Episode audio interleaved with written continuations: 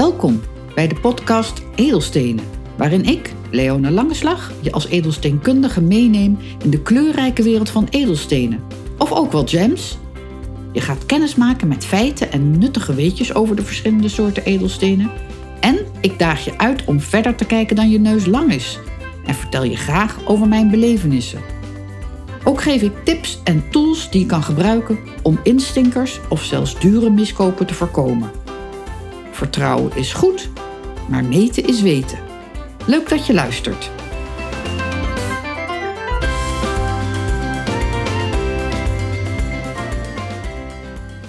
Aflevering 4. Kleur bekennen. Een must in edelstenenland. Kleur is het eerste wat we waarnemen als we naar een edelsteen kijken natuurlijk. En zoals we uit de vorige afleveringen weten, is kleur een van de belangrijkste kenmerken van die edelsteen. En natuurlijk ook dus een hele belangrijke kwaliteitsfactor. Maar hoe wordt kleur nu eigenlijk gevormd in een edelsteen? En hoe zou je kleur moeten benoemen? En wat kan je doen om eventueel de kleur te beïnvloeden? Deze vragen wil ik graag in deze podcast bespreken. Heb jij een lievelingskleur? Bij mij is dat altijd rood geweest en dan wel brandweerkleurrood. Ik hou überhaupt eigenlijk van sprekende kleuren. Maar het grappige is bij edelstenen dat naast de fellere kleuren ik ook echt heel gecharmeerd ben van de zachte roze tinten of zachte groene of zacht lichtblauw. En uh, ja, zo zal iedereen wel een voorkeurskleur hebben.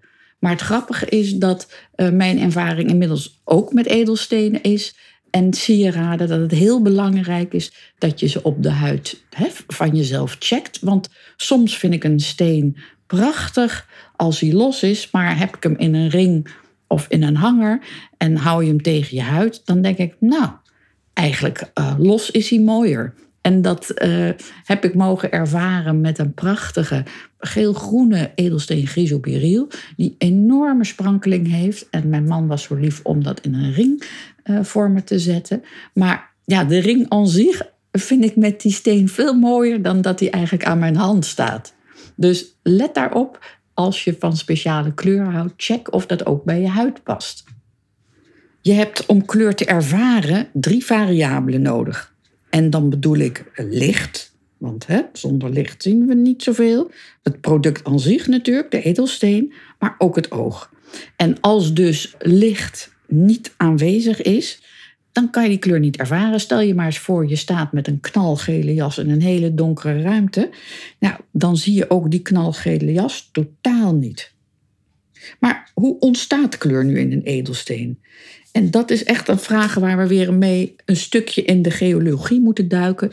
Daar waar diep in de aarde die mineralen zijn ontstaan. In basis zijn er twee verschillende situaties waarop de kleur van mineralen gevormd wordt. En dat is op basis van de samenstelling en of dan in die samenstelling een essentieel onderdeel zit wat de kleur bepaalt. Deze mineralen die op deze manier worden gevormd, noemen we dan ook idiochromatische edelstenen.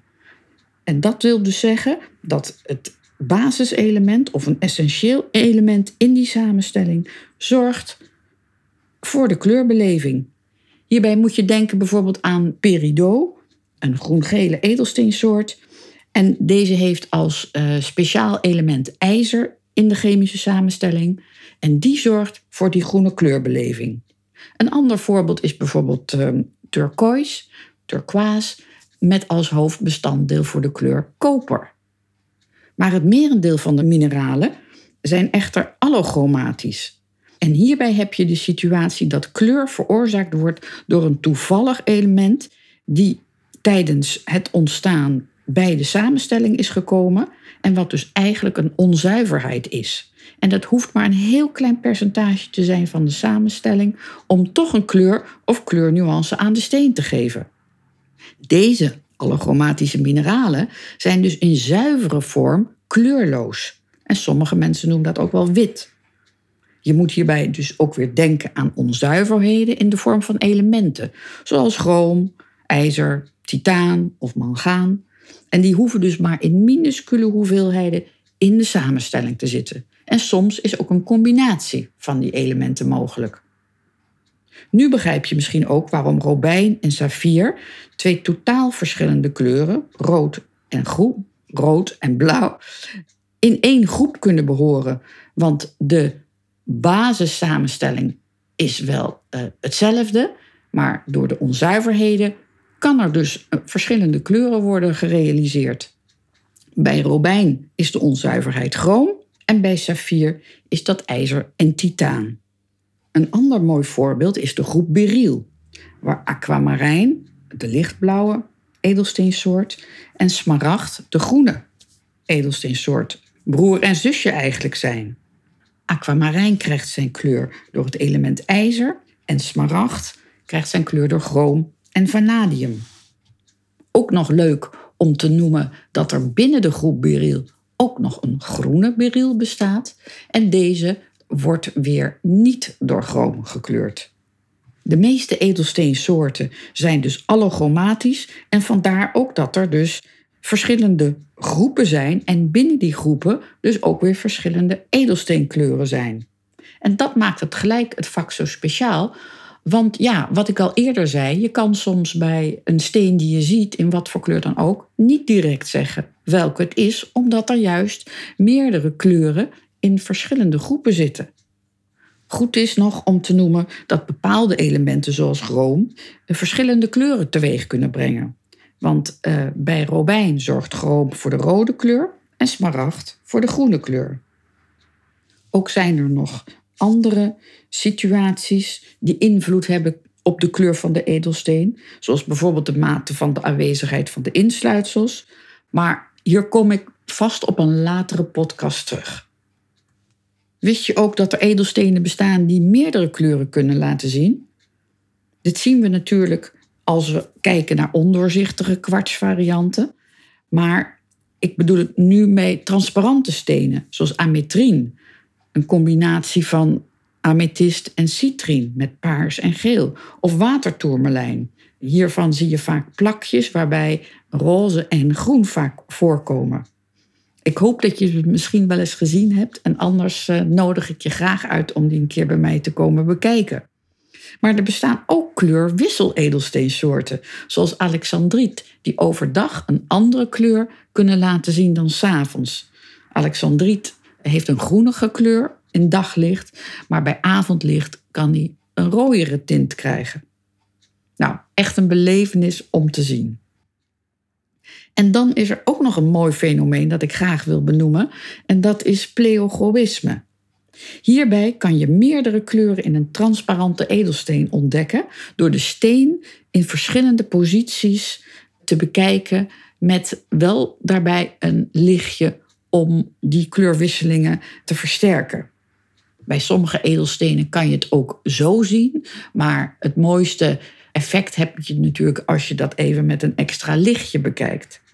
Pleogoïsme is een optisch fenomeen dus. En je moet het zien dat als er een, een lichtbaan in de steen gaat, dan kan die zich in twee golflengtes splitsen. En die twee lichtbanen gaan vervolgens met verschillende snelheid door de steen heen. En het licht kan onderweg geabsorbeerd worden, waardoor ze met verschillende kleurbeleving de steen weer verlaten. En hierdoor kan je dus die verschillende kleuren uh, zien als je de steen naar verschillende kanten draait. Nu is het natuurlijk wel jammer dat ik dat niet kan laten zien, maar ik hoop dat je een idee hebt gekregen. En anders pak eens een van je eigen sieraden in de hoop dat je die ook uh, de steen van de zijkant kan uh, bekijken. En ga ontdekken wat je daar uh, kan beleven qua kleur. Juist ook omdat die kleurbeleving, hè, die geluksmomenten zo belangrijk zijn, zal het je ook niet verbazen dat de handel zijn uiterste best doet om ja, speciale verkoopnamen te bedenken. En ik heb hier geen probleem mee hoor, maar ik vind het wel een slechte zaak dat er niet standaard de goede uitleg bij gegeven wordt. En dan doe ik in eerste instantie op namen met vindplaatsen bij bepaalde edelsteensoorten die ja, extra cachet misschien geven. Maar dan moeten ze er ook wel echt, echt ja, waarheid zijn. Want voorbeelden zoals een Kaapse robijn, wat een granaat is, of een watersaffier, wat een ioliet is, overigens ook een prachtige edelsteen. Of wat denk je van Herkimer Diamonds? Ja, dat is bergkristal, wellicht als uit dat gebied komend. Maar ja, het zijn eigenlijk wel misleidende namen. Ook een goede om in dit geval nog even te noemen is Paraíba-turberlijn, die eigenlijk alleen zo mag genoemd worden als u uit dat gebied, hè, waar die in eerste instantie gevonden is, in, in Brazilië, naar vernoemd mag worden. En het is niet zo dat die kleur van de originele Paraíba-turmalijnen eigenlijk als naam aan allerlei andere soorten toegevoegd mag worden, zoals dat je dan een uh, Paraíba-kwarts krijgt. Echt misleidend. Dus zie je een naam die je niet kent of dat je, waar je toch even zekerheid over wil hebben, vraag ernaar. Want domme vragen bestaan niet.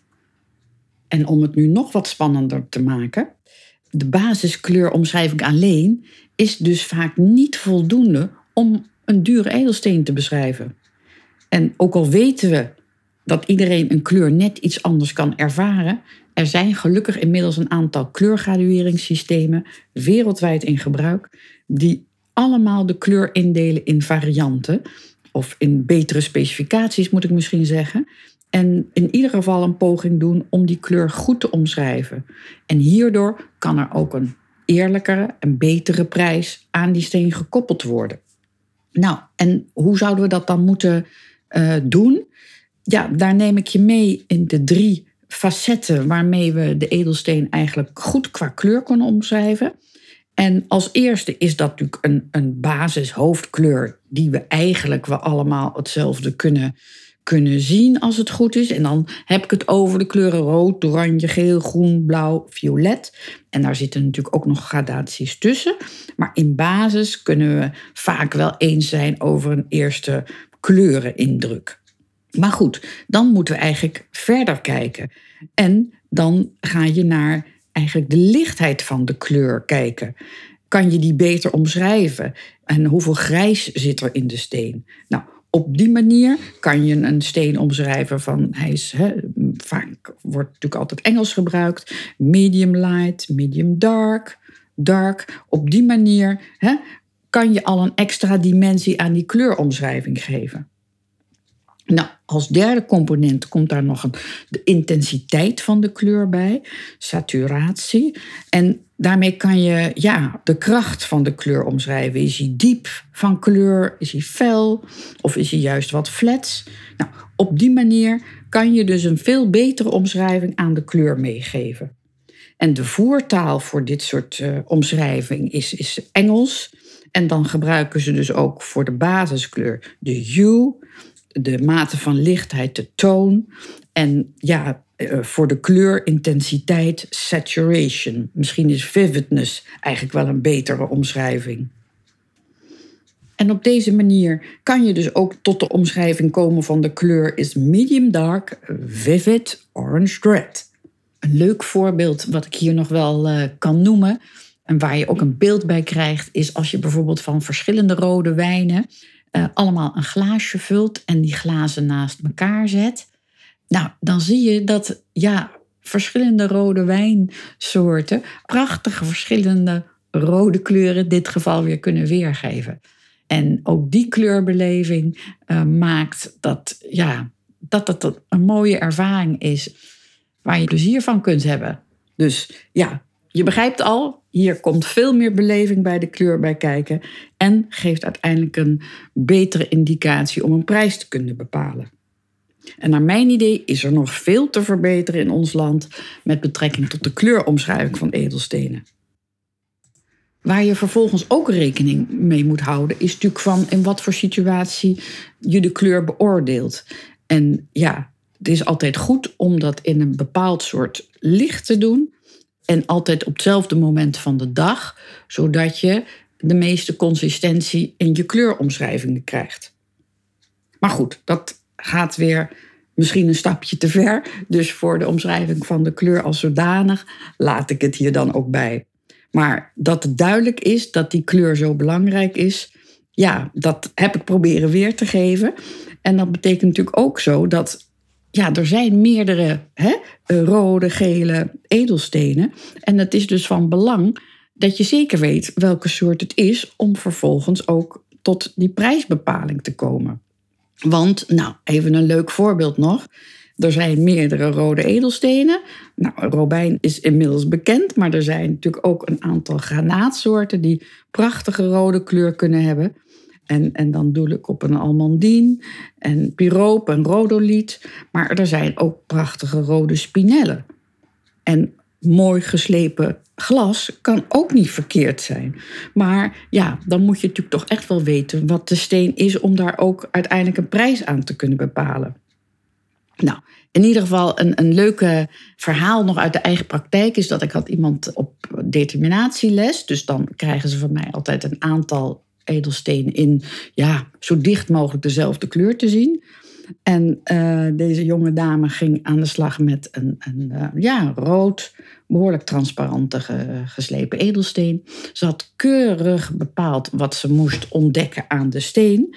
Maar als ze vervolgens ging opzoeken in de lijst met alle uitslagen als hulpmiddel om de soort te bepalen, zei ze van ja, nou, ik kom er eigenlijk niet uit, want de enige die eigenlijk erbij zou passen is vuuropaal. Maar dit kan geen vuuropaal zijn.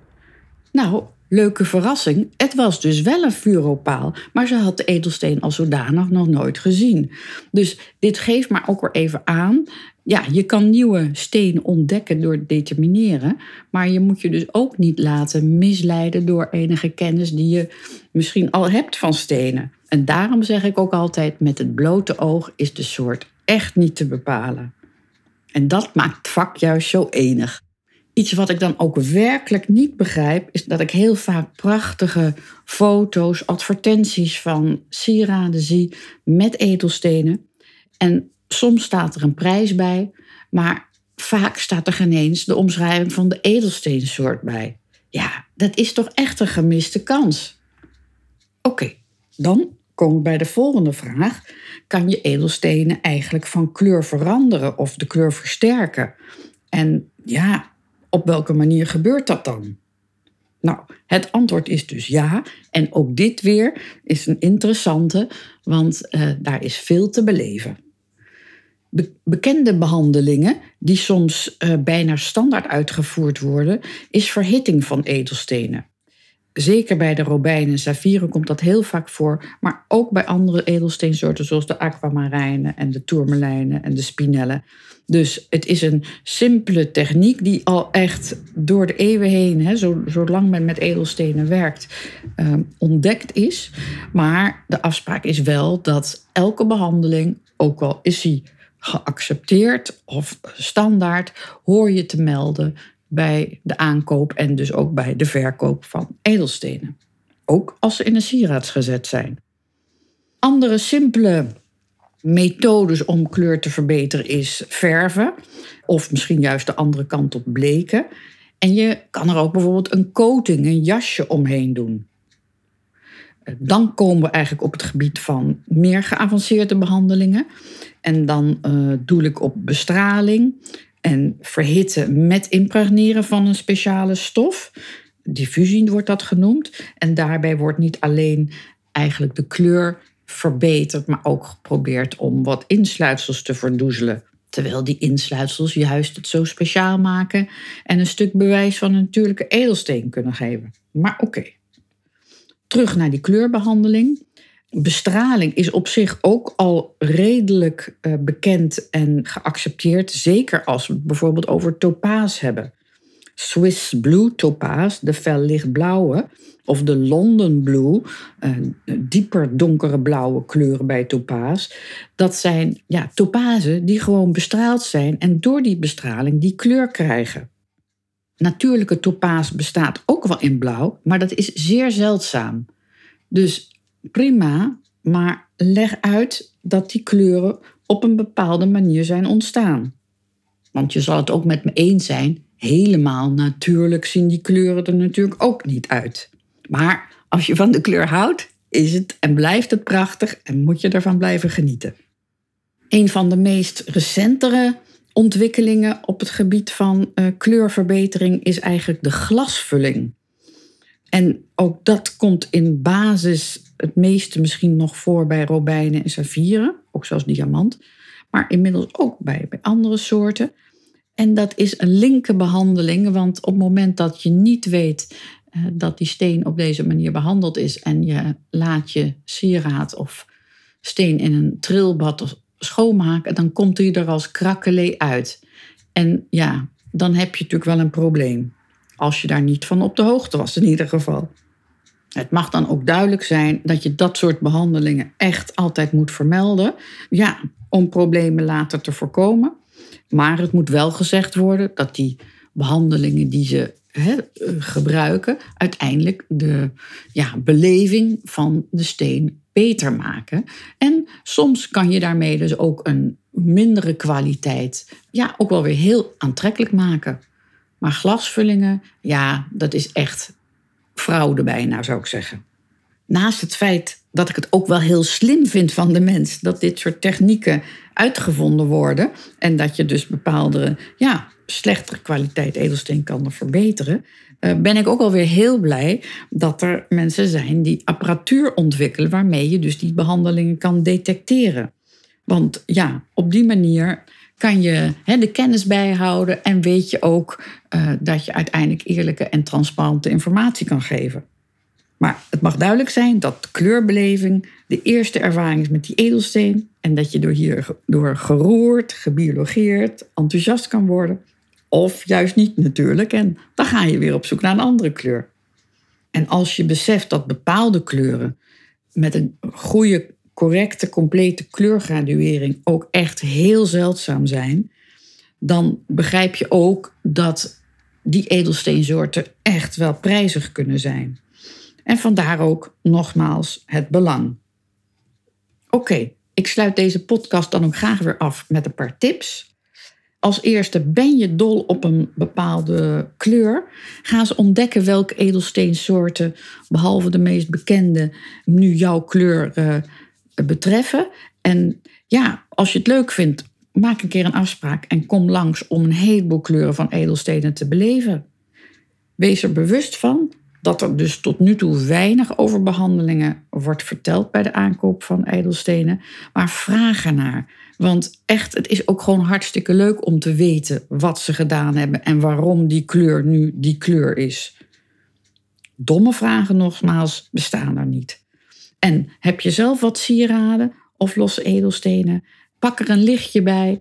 Uh, ga met een loep kijken. Want er zit vaak zoveel meer moois in de steen dan we in eerste oogopslag zien, dat dat ook weer echt de moeite waard is.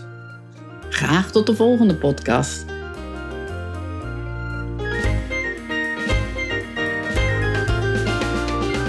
Wat goed dat je geluisterd hebt naar deze podcast. Als je mijn missie steunt om nog meer transparante en eerlijke informatie te krijgen over edelstenen, abonneer je dan op deze podcast. Wil je nu direct meer weten? Download dan mijn gratis e-book over 12 geboortestenen via de show notes.